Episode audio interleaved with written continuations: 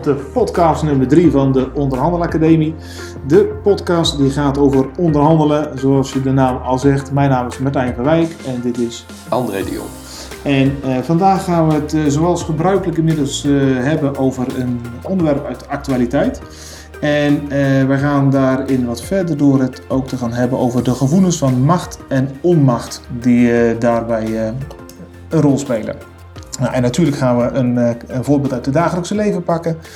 En we hebben nog een, eh, een vraag aan jullie aan het eind. Yes. Oké, nou, ehm, ik zat vorige week in de auto en ik hoorde op het NOS-journaal het volgende, namelijk, eh, dat was op 30 augustus, de GGZ in Nederland heeft het zwaar. Hmm. Ehm, wat is er namelijk aan de hand? De eh, afgelopen jaar is becijferd dat de GGZ 11% meer cliënten heeft geholpen, alleen tegen een gezamenlijke winst die 65% lager ligt. En dat zijn zorgelijke ontwikkelingen. Eh, en volgens de NOS Ja. waren daar twee redenen voor. ja. Wat hadden ze ook weer genoemd? Nou, ehm, eentje was dat, ze gaan een voorbeeld, een aanbieder, die Hmm. heeft bijvoorbeeld een afspraak van 1 miljoen. Ja. En als dat bedrag op is, dan eh, moeten ze de lopende behandelingen stoppen. En dat doen ze niet en daar krijgen ze niet betaald. En toen dacht ik van, wacht ja, maar dat klopt niet. Nee, precies. Ja. Dat- ja inderdaad, dat, dat, dat klopt niet. Want wat er namelijk gebeurt, in de contracten staat eigenlijk altijd dat je lopende behandelingen juist moet doorzetten. En nieuwe behandelingen, ja, daarvan kun je kiezen hè, dat je daarmee stopt. Dat doe je Ja. verstandig aan, hè, anders dan weet je zeker dat je niet betaald Ja, krijgt. het is contractueel vastgelegd. Juist. Ja. Er was nog een, eh, een eh, onderwerp Ja. en dat was duurder personeel. Nou, Ja. Die herkennen we inmiddels heel vaak, want de, de media staan daar momenteel ook vol van. Maar ik gaf net aan, één ding klopte niet. Ja. Wat klopt er niet? Eh, wat, wat maakt nou dat deze situatie zo is? Eh, niet iedereen is, is helemaal bekend, ik zal het even uitleggen. Ja. Je hebt als zorgaanbieder maak een afspraak met de verzekeraar. Ja. Dat doe je bij eh, bijvoorbeeld met twee zorgverzekeraars. Je maakt een afspraak van 1 miljoen euro met Ja. Zorgverzekeraar. Ja. X. Ja. En je maakt een afspraak voor 1 miljoen- euro bij zorgverzekeraar Y. Nou, dan kan het zijn dat je bij X geen 1 miljoen eh, aan zorg levert, maar 9 ton. Nou, Ja. Dan zal dit je niet verbazen, Dan krijgt hij maar 9 ton. dan krijgt hij maar 9 ton. Ja. Precies. Het kan ook zijn dat je dus eh, bij zorgverzekeraar Y 1,1 miljoen realiseert. Terwijl je een miljoen hebt afgesproken. Precies. Op totaalniveau Alleen die ton krijg je daar dus niet. Precies, want op Nee. totaalniveau heb je nog steeds 2 miljoen productie. Jouw begroting is gedekt, je doet lekker hè, wat Ja. je hebt afgesproken. Maar je krijgt maar 1,9 miljoen. Ja. En Ja. dan heb je dus een probleem. Ja. Het kan ook nog eens een keer zijn dus dat jij hè, efficiënt werkt en inderdaad hè, tegen lagere tarieven die, eh, die, die- die- dat- de zorg kunt leveren. Dan lever je dus 11% meer zorg. Ja. Maar ja, tegen 1,9 miljoen, ja, en als dat dus te vaak gebeurt, en dat is dus wat er aan de hand is in de GGZ, dan daalt dus de gezamenlijke winst met 65%. Zo. Ja. Dus ondanks dat ze efficiënter kunnen werken, maar omdat die spreiding zo eh, eh, verkeerd ligt, eh, ja, bijt je als het ware in stof. Eh, Ja, precies. Ja. Juist. En dat is eigenlijk het grootste risico wat er momenteel gebeurt. Mhm. En dat, dat speelveld is al zo een aantal jaren.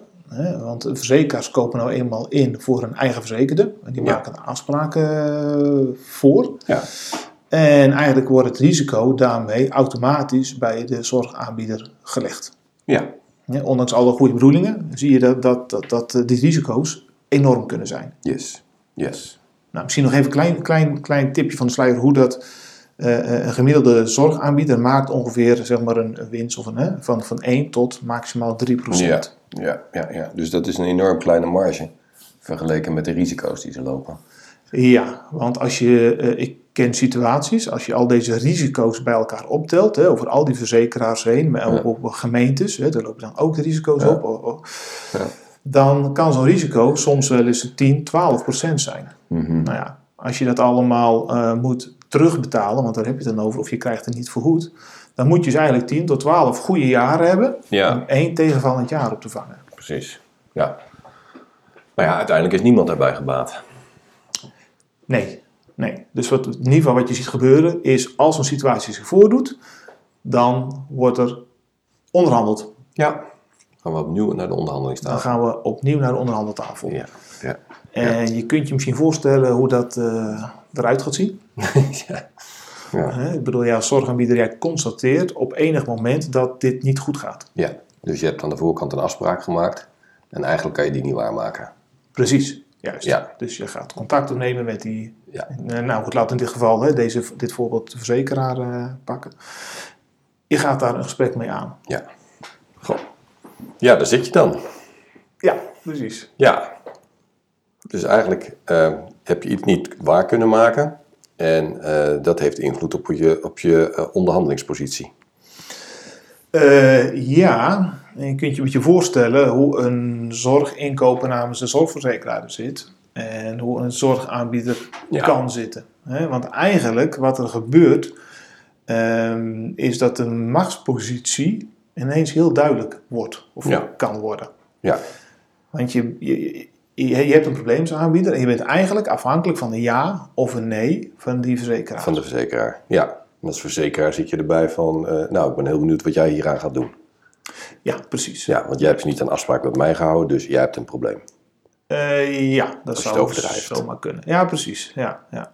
Nou, weet je wat, wat hier speelt? Eh, het ligt, zoals altijd, weer net wat genuanceerder. Tuurlijk. Dit is afhankelijk van de positie die jij hebt als zorgaanbieder, maar is ook afhankelijk van de positie die je hebt als zorgverzekeraar. Ja, Heb je heel veel verzekerden in die regio of Ja, niet? En ja. hoe heb jij een monopoliepositie, bij wijze van spreken, als zorgaanbieder?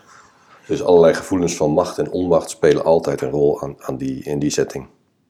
Eh, ja, ja de, eh, precies. Nou Ja, die, die, je hebt eigenlijk eh, eh, de, de marktmacht. Hè, dat is misschien wel de belangrijkste machtsbron in een onderhandeling. Ik bedoel, die is heel feitelijk. Ja, Hè, de een heeft een bepaalde positie ten opzichte van de ander. Ja. En dat beïnvloedt de mate van, ja, van slagkracht. Zo simpel is het ook. ja, Maar daarnaast heb je ook altijd eh, eh, eh, kennis. Hè. Kennis is ook een machtsbron, eh, informatie.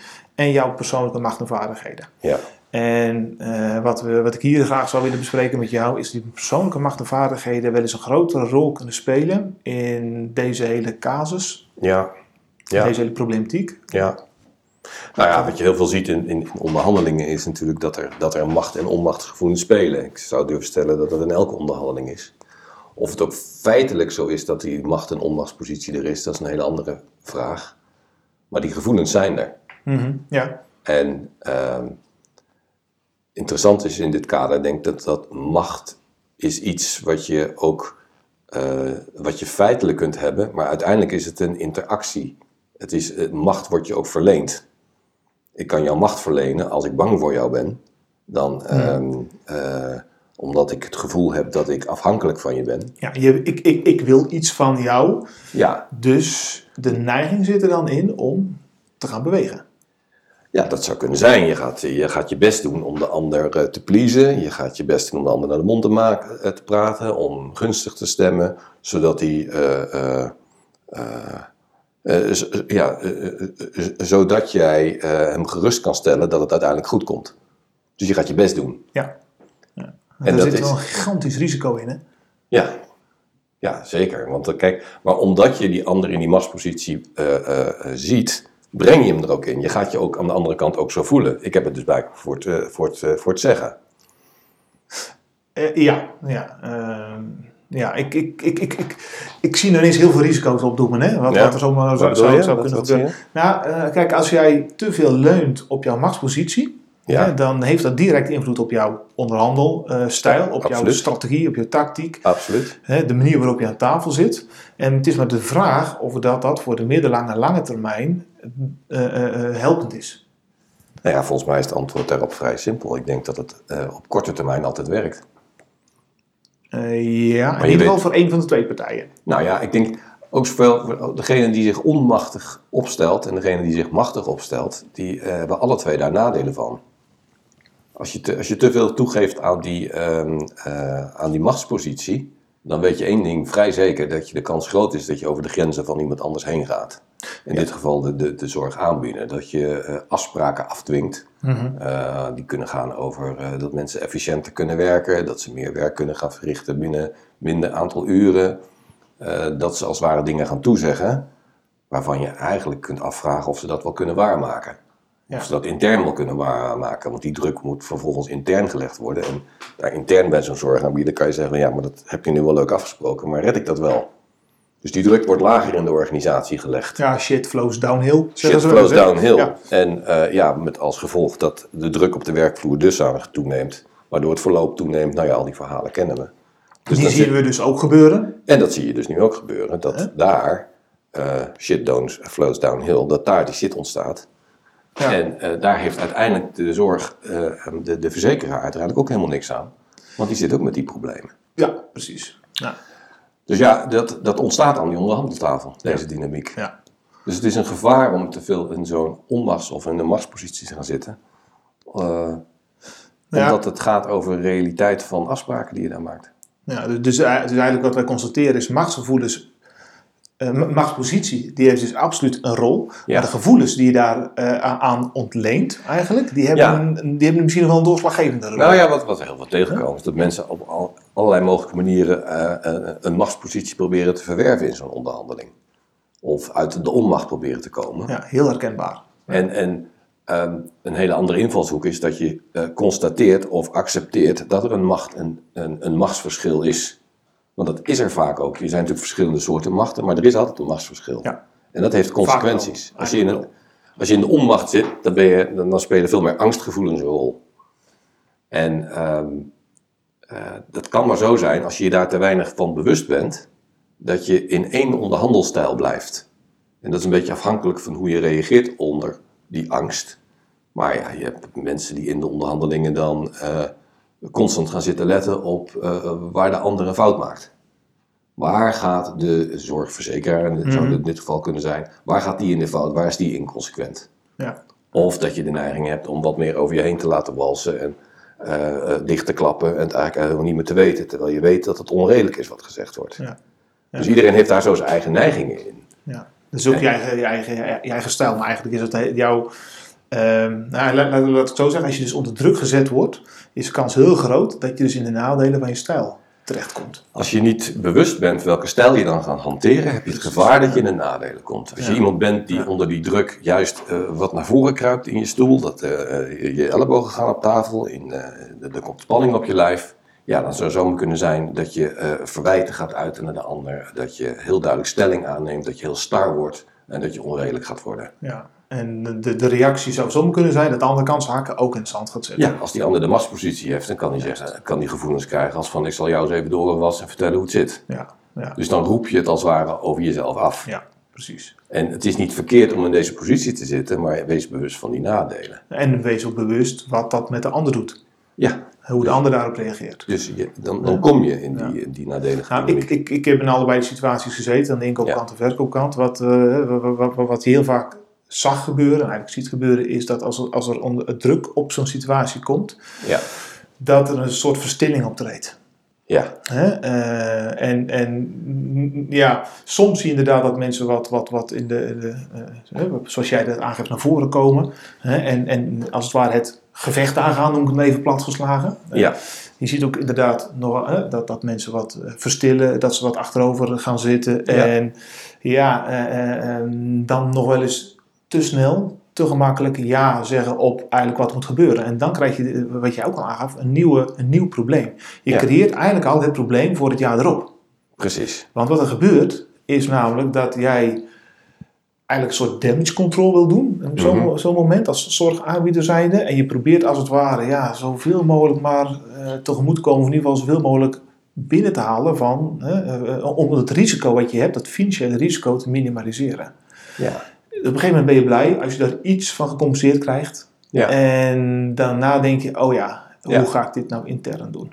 ja. dus dan geef je wel te veel toe. Ga je eigenlijk iets over de grenzen heen van, niet van alleen van jezelf, maar ook van de organisatie. Waardoor je die druk lager in de Juist. organisatie legt met alle gevolgen van dien. Ja, Maar wat, wat in de essentie over gaat, is dat in die onderhandel, aan die onderhandeltafel spelen eh, angstgevoelens een rol. En als je je niet bewust bent van waar jij op dat moment bang voor- bent, dan word je ook geleid door die gevoelens. En dan, dan blijf je hangen in een bepaalde stijl. Bijvoorbeeld heel erg voorwaarts, of dat je achterwaarts Ja, zit, of precies. je zit alleen maar mee te bewegen. En het is belangrijk dat je die, eh, dat je die stijl herkent, Mhm. waartoe je neigt, ja. want dan kan je ook uit de nadelen blijven. Ja, en, dan kan je wel naar voren zitten en scherp blijven wat die ander niet zegt, maar dan hoef je niet onmiddellijk af te fakkelen. Ja, precies. Ja, het, het, zou zoveel helpen als je meer stijlen kunt omarmen. Nou, daar zit, dat is natuurlijk wat wij doen. Dat wij ons, dat, je, dat we bewust maken van wat is nou je neiging, wat, zijn de, wat, wat is je stijl. Ja. En die zo ontzettend non-verbaal herkenbaar is, maar er zitten gevoelens onder. En de bewustzijn daarvan geeft je flexibiliteit. Nou ja, eh, die maakt dat jij dus kunt variëren ja. uh, in stijl en dat jij een gesprek wat je dan voert in beweging kunt blijven. Dat je kunt blijven zoeken naar de oplossing en zo dat je niet over je eigen grenzen gaat. Ja, ja. Want wat ik net aangaf is, je creëert je eigen teleurstelling. Als jij dus een afspraak maakt tegen wil en dank. En jij moet dus nog uh, intern die afspraak uh, eigenlijk over de buren zien te krijgen. En je krijgt dan van jouw managers weer te horen van ja, hallo, maar dat krijgen wij niet ja, gerealiseerd. Dan moet je terug. Nou ja, dat gaat dan niet gebeuren. Nee. Maar je probeert toch dat als zo goed en kwaad mogelijk te realiseren. Het jaar erop is de kans groot dat je weer met dezelfde Ja, situatie, met diezelfde inkoper aan tafel zit. En dat je eigenlijk... Want je hebt niet helemaal kunnen waarmaken wat je toen beloofd hebt. Precies. Ja, En- je ook je best hebt gedaan en het intern druk zetten en de Juist. boel herorganiseren Ja, en, met en alle goede intenties. Ja, Ehm, maar je hebt wel weer datzelfde gesprek. En Nou, op een je gegeven dus- moment houdt het dan echt op. Mocht je al een nou, je keer... komt steeds verder dan in dit geval in een onmachtspositie terecht, want je hebt een afspraak niet, nage- bent niet, niet hebt kunnen nakomen. Ja. Je hebt je niet gehouden aan wat daar toen is vastgelegd. Ja. En dan moet je je voorstellen wat dat doet met de, met de beeldvorming van zo'n verzekeraar op Ja. jou als zorgaanbieder. Want dit is een partij, ik kan er niet van op aan. Ik, Ja, dus die alles wat ze zeggen, hoe moet ik op een... Precies, maar de verzekeraar op zijn of haar beurt kan natuurlijk zeggen: ja, maar als die niet in de spiegel kijkt van hoe kan het nou zijn ehm, dat ze keer op keer eh, het niet waarmaken, zou het iets te maken kunnen hebben met hoe wij zelf erbij zitten in deze onderhandelingen? Bedoel, als je niet voelt dat je een machtspositie hebt en dat je ook misbruik kunt maken van die machtspositie, of geen eens eh, niet bewust misbruik, maar dat je zoiets hebt van ja, maar hij heeft of zij heeft een fout gemaakt en eh, die, eh, die moeten dat herstellen. Mhm, Ja. Ja, dan, dan, leg je, dan leg je nog meer druk neer. Terwijl die hele druk misschien wel eens de oorzaak kan zijn van het feit dat er afspraken gemaakt zijn die niet helemaal reëel zijn. ja. En daar hebben ze uiteindelijk op lange termijn hebben ze er niks aan. Nou, en eigenlijk is dat een, misschien wel de oproep die wij doen. Hè? Nou, sterker nog, eigenlijk is dit het bestaansrecht van de onderhandelacademie. Ja, Dat wij eh, zo graag willen dat inkopers en verkopers in de zorg, welzijn, hier Ja. bewust van zijn. En echt hier eh, Ja. dit aspect gaan gebruiken om, ehm, ja, zeg maar, om, om die gesprekken gewoon gaande te houden. Zodat we uiteindelijk gewoon goede zorg kunnen afspreken. En dat we, het heel en maar het is ook, de, de, de onderliggende is dat accepteer dat er een verschil is tussen eh, in macht. Dat, je de, de- dat is een feit. Ja. En je kunt proberen dat te veranderen op allerlei mogelijke manieren, maar dat is een feit. De vraag is of je eh, daar gehoor aan geeft aan die macht- en onmachtsgevoelens. Ja, hoe ga je ermee om? Hoe ga je ermee er om? invulling aan? Want er heeft, aan twee kanten zitten daar mogelijk nadelen aan. Als je toegeeft aan die machtsgevoelens, heeft dat korte termijn effect. Geef je toe aan de onmachtsgevoelens, heeft dat ook een korte termijn effect. En je versterkt de, de onmacht- en machtspositie, je- omdat afspraken niet nagekomen Nou, precies. Je, je komt een soort escalatiemodel. En dat is wat je te Het, wordt vaak steeds, gaat steeds verder escaleren. Ja. We hebben het een tijdje geleden hebben het over gehad over, eh, over eh, Panacea, hè? De, de, Ja. de eerste podcast. Over die eh, miljoenen verlies die ze geleden hebben, die 29 miljoen. Ja. Ehm, het zou ook zo kunnen zijn eh, dat, dat op een gegeven moment hè, dat, dat verzekeraars hè, met een zorgaanbieder, hè, misschien is het bij Panacea wel gebeurd, dat durf ik zo niet te zeggen, maar het zou zomaar kunnen. Is Ja. dat als je die risico's, hè, eh, Ja. eh, de situatie die we net schetsen, dat de verzekeraar echt wel snapt dat zo'n grote Mm. aanbieder een bepaalde marktpositie heeft ook, daarin mee gaat denken. Hè, dus eh, op een gegeven moment ook die risico's gaat compenseren, die financiële risico's. Maar op een gegeven moment moet jij dat dan ook wel kunnen waarmaken. Ja. En misschien hebben ze dat ook niet gedaan en is nu dat moment ge- ge- ge- gekomen dat, dat ze hebben gezegd, ja weet je, nu houden we daarmee op. Ik weet het niet, zou zomaar kunnen, want dit is wel wat ik afgelopen jaren met aanbieders eh, wel heb zien gebeuren. Ja. Hè? Ja. En, en die, die, die insteek op, ja, eigenlijk wat, je- wat jij zegt, hè, eh, het, veel platgeslagen, als jij een machtsgevoel hebt en je hebt het gevoel van onmacht, dan loop je het risico eigenlijk om over je eigen grens te gaan, afspraken te doen die heel moeilijk zijn om na te komen. Aan de andere kant heb je, als je een gevoel van macht hebt, zou het zomaar kunnen zijn dat je geneigd bent om je hand te overspelen. Maar wat in ieder geval duidelijk is, is dat je eigenlijk allebei Nou perfect in staat bent om je eigen teleurstelling te gaan creëren. Nou ja, de, de, de verzekeraar organiseert de zijn of haar eigen teleurstelling omdat hij druk uitoefent en die macht heeft. En dan de macht heeft dat de ander ja zegt. Ja. En eh, het gevaar zit erin dat hij na, niet na kan komen. Ja. Waardoor je volgend jaar wel nog meer in een machtspositie komt. Want ja, jij hebt niet gedaan wat, ik, wat wij hebben afgesproken, dus daar ben jij verantwoordelijk voor. Dus je krijgt een patroon. Nu zou ik heel graag een tip willen geven aan de luisteraars. Nou, de tip, de tip is dat je eh, wees je eh, bewust van ehm, eh, hoe jij zelf omgaat met macht- en onmachtsgevoelens. Wat is je neiging? En dat die neiging komt heel erg sterk non-verbaal naar voren. Hoe zit je erbij? Dus neem af en toe eens een, een, een, denkbeeldige foto van jezelf. Van hoe zit je er eigenlijk bij? ja, En precies. dat bepaalt Letterlijk. namelijk dat bepaalt de onderstroom in onderhandelingen en uiteindelijk de uitkomst van die onderhandelingen. Ja. En daar heb je invloed op. Ja. Maar dat start bij bewustzijn van je eigen, eh, je eigen lichaamstaal en de gevoelens die daarbij onder zitten. En dat zijn heel vaak angstgevoelens. Gevoelens van macht en onmacht. Ja, misschien nog wel een, een, een, ik weet niet of het een dieper liggende vraag is, maar in ieder geval een andere vraag is, hoe ga jij dus om met druk? Wat, Dat is- wat ja. doet druk met jou? Ja, Want zo'n situatie is onherroepelijk situatie die druk zet. absoluut. Absoluut. Ja. Ja. Ja. alles wat angstig is, je weet niet wat er gaat gebeuren. Eh, je wilt anticiperen op, op een onzekerheid, geeft druk. Oké, Ja, nou, En dan kan je echt verder als je dat weet, want dan kan je anders gaan bewegen, kan je anders gaan voelen. Ja, goed, invloed ik- op de dynamiek. ik heb zelf eh, heel vaak mogen ervaren dat als je deze, deze, deze bewustwording hebt, hè, en dat je, als je dit ook toepast, hè, die bewegelijkheid, eh, eh, eh, het is voor iedereen afhankelijk, maar in mijn geval is het gewoon letterlijk die bewegelijkheid blijven houden in, in, in mijn lijf en dus in de gesprekken, ja. dat je daar eigenlijk altijd wel heel goed uit gaat komen. ja, nou ja, goed, er zijn- mooie voorbeelden van. Ja. Eh, Mensen die in een wat onmachtpositie zitten, die maar blijven bewegen en maar blijven zoeken naar een oplossing. En de ene suggestie naar de andere aandragen. En de andere kant van de tafel hoeft alleen maar ja of nee te zeggen. En zegt heel vaak nee. Dat is nog niet helemaal precies wat ik bedoel. Denk nog eens even verder na. En als iemand komt met een nieuw idee, een nieuw voorstel. En blijft letterlijk, maar ook vaak figuurlijk bewegen. En ontstaat een andere dynamiek als de ander op een gegeven moment besluit: als ik nou eens niet beweeg, dit is wat ik voorstel. Of zeg van, maar wat is jouw idee? En dat klinkt nu heel plat als je het zo zegt, maar als je eenmaal in die dynamiek zit, dan is dat heel lastig om daaruit te komen. En dat start bij het herkennen. Waar zit je talent? Ben je zo'n beweger of ben je meer vast? Ja, en, en, en eigenlijk wat, hè, wat eh, bewegelijkheid voor mij is heel fijn, maar er zit een grens aan. Ja, Te, precies wat jij zegt, te veel bewegen. En dat is voor iedereen anders. Waar ligt de kantelpunt? Het is zo belangrijk om daar gewoon eh, zicht op te hebben. ja, Daar ervaring mee op te doen. Nou goed, dat gunnen we iedereen. ja. Eh, dus dat is de tip. Helaas, eh, het is geen tip die we algemeen kunnen maken van doe dit Het hangt af van wie je bent. Maar het, het hangt af van wie je bent en hoe jij in de race zit eigenlijk. Ja. Oké, nou, genoeg Dat tot zover. wat dat Ja, betreft. Ja, Hey, ehm, dat was in ieder geval de actualiteit. We hebben natuurlijk ook nagedacht over een dagelijks Nou leven. nou en, en, en ja, je had wel, wel, wel weer een hele mooie. Nou ja, goed, ik speel eh eh, eh, padel, een soort tennis is dat, een tenniscompetitie. En van het weekend had ik dan een leuk, een, een, een leuk toernooi en dan speel je twee tegen twee. En voordat we de baan op moeten, moeten we door een, door een hekje, dat is zo'n draaihekje. En het aparte is dat je natuurlijk niet met z'n vieren door zo'n draaihekje kan, maar dat gaat één voor één. Dus je weet al dat je, eh, wie je tegenstanders zijn, die heb je al een hand gegeven, daardoor heb je al indruk van iemand. Maar als je naar zo'n hekje toe loopt, dan is er een sprake van een onderhandeling. Want je kunt niet met z'n allen door, tegelijkertijd door het hekje. Ja, Je kunt, je kunt, je kunt niet met z'n allen tegelijkertijd door een deur. Eh, maar, dus er is een volgorde. Nou, hoe gaat dat?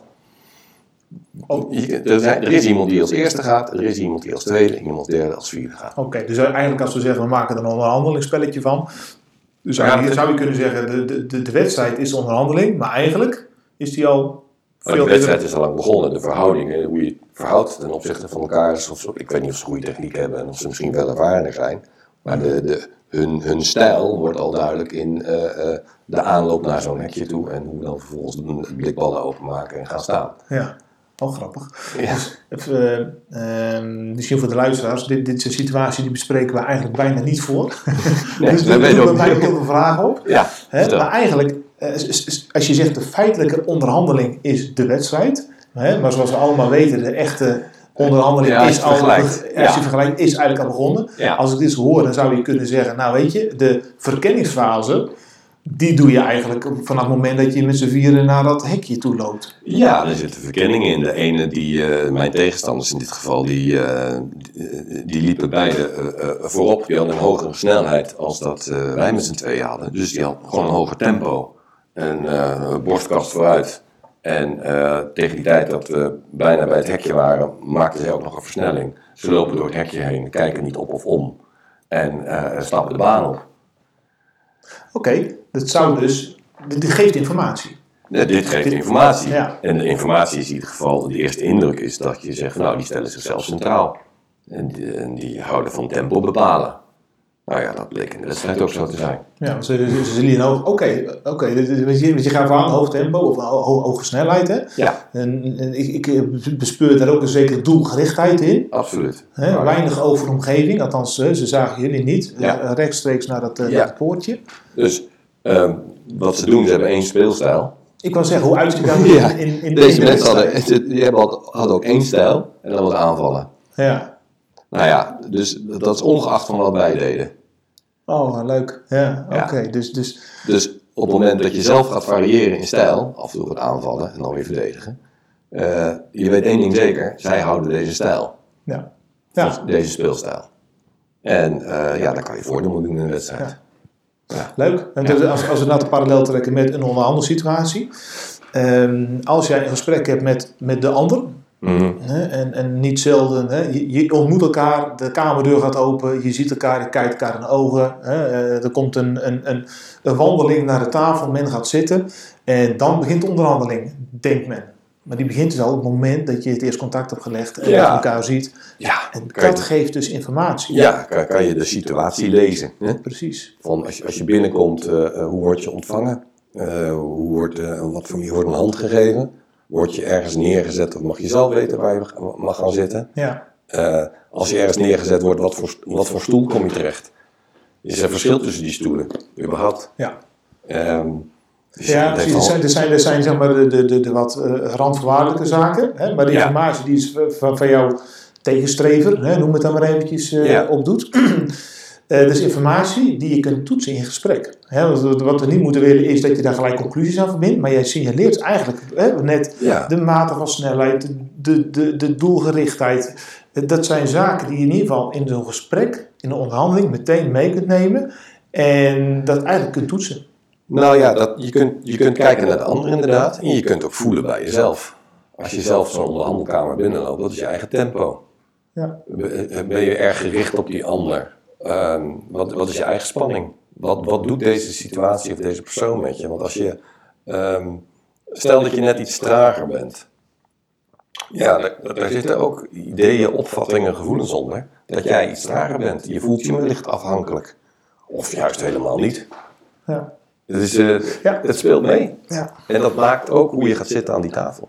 Nou, misschien hè, is, is, is dit- is geen goed of fout, nee, maar het is precies, gewoon juist. zo- zo- het, zijn, zo gaat het. het zijn ook stijlaspecten. Hè? die Hoe dynamiek. in de race? Weer, Ja. Daar komen we toch weer op terug. Ja. Dus die dynamiek tussen mij en die tegenstanders, eh, die, die was al duidelijk door, op het moment dat we door dat hekje heen gingen.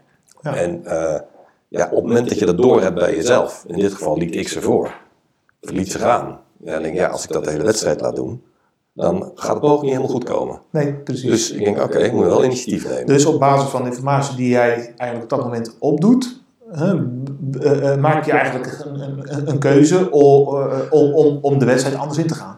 Ik realiseer me op dat moment hoe ik in deze dynamiek zit met deze vier mensen. Ik re- realiseer me dat ik even de laatste ben. Ja. Dat ik gericht ben op hun, dat ik ga kijken hoe zij het doen. Ja, dat is, dus het heeft zijn voordelen, maar dat is wel handig om te weten. Ja. En heb je toen, om dat te voelen. En heb je toen op dat moment eh, eh, gedacht of besloten, want ik ga erin mee, of juist ik ga er wat anders in, of ik ga variëren? Of, Nee, ik heb, ehm, eh, zoals de wedstrijd gaat, heb ik in eerste instantie, eh, ben ik wat in die dynamiek gebleven. Dus ehm, licht afwachtend en kijkend hoe zij spelen. En, en ja, vervolgens krijg ik je broek en dan kan je realiseren, deze strategie werkt dus niet. Je moet meer initiatief gaan tonen, meer het spel naar jezelf toe trekken en wat aanvallender worden en dat werkt wel. Oké, ja, leuk. Nou, hey, weet je, Ja. eh, eh, we zitten schuin nog op de tijd te kijken. We zijn alweer Ja. bijna half uur onderweg. Ja. Het gaat hard. Ehm, de tip eigenlijk die we hier toch hieruit kunnen halen is... eh, kijk gewoon vanaf het moment dat je... De, de onderhandeling begint veel eerder dan dat je meestal verwacht. Het levert je heel veel informatie op waar je je voordeel mee kunt doen. Ja, eh, voel vooral bij jezelf van hoe je beweegt en hoe je erbij staat. En wat, wat hoe je loopt, precies. hoe je ga je zitten. Juist. Want dat heeft een, eh, het weerspiegelt hoe je, hoe je letterlijk en figuurlijk in de wedstrijd zit. Ja. Ja. Oké, nou eh beste luisteraars, wij hebben nog een, een nieuwtje. Eh, ja, want wij hebben namelijk op eh, 6 november hebben wij een proeverij over onderhandelen. Eh, dat eh, organiseren wij in het midden van het land. Eh, Dus eigenlijk, je kunt het vergelijken met een mini-congres. Er komen verschillende sprekers, maar sowieso zijn André en ik daar. Ja. En wij gaan eh, jullie meenemen in eigenlijk waar we hier met de podcast over bezig zijn. Nou, hoe je lichaam nooit ligt tijdens onderhandelingen. Precies. Van jezelf en van van de mensen waarmee je onderhandelt. Ja, Ja. en het is weliswaar een mini-symposium, maar het zal je niet verbazen dat het sterk ervaringsgericht zal zijn. Ja. Hè, dus we gaan, eh, eh, ja, we gaan gewoon ervaren. Hè, we gaan een kleine tip van de sluier oplichten hoe jij in de race zit Ja. eh, in onderhandelen. Wat, wat zijn de voordelen en nadelen bij jouw stijl? Ja. Al een kleine tip. Wil je erbij zijn? Dat kan. Eh, maar wij hebben besloten om in ieder geval eh, een aantal vrijkaarten te verloten. Twee vrijkaarten gaan we verloten. Hè. Dat is de waarde van eh, eh, 197 euro. Ja. Ehm, en we hebben daar een vraag voor jullie. En de vraag is, laat ons weten, waar let jij op in onderhandelen met betrekking tot het non-verbale? Ja. Dus eh, als je eh, eh, bereid bent dat eh, met ons te delen, dan de, de eerste twee mensen die eh, komen met eh, waar, waar je zelf op let, die krijgen die twee vrijkaarten. En dat zullen we in de volgende podcast ook behandelen. En onze visie op eh, loslaten. Van wat je er eigenlijk mee kan, wat de zin en onzin daarvan is. Precies. En doen we de eerste twee of de beste twee? We doen de eerste twee. Doen de eerste Voor twee. de Dus er snel bij. Ja, precies. Nou, 6 november. ehm, de proeverij over het onderhandelen. eh, vanaf 4 uur tot 7 uur. Dus ja, joh, het is, eh, iedereen eh, zou erbij moeten zijn, kunnen zijn. En je zou er in ieder geval bij moeten willen zijn. Ja. Oké, nou, dit was eh, de podcast voor deze keer. Maak ons de twee tips, eh, de twee voorbeelden, moeten ze even... ja, naar, heel goed. Naar Ja. info.zorgonderhandelingen.nl Ja. of via Twitter onderhandelak. Eh, wij zijn te volgen. Vind je deze podcast eh, leuk? Wij zijn te volgen op Soundcloud, Spotify, eigenlijk op alle bekende eh, kanalen. Ehm, en wij hopen jullie de eerste volgende keer eh, weer te begroeten. En vind je het leuk? Abonneer je. Absoluut. Tot ziens. Tot ziens.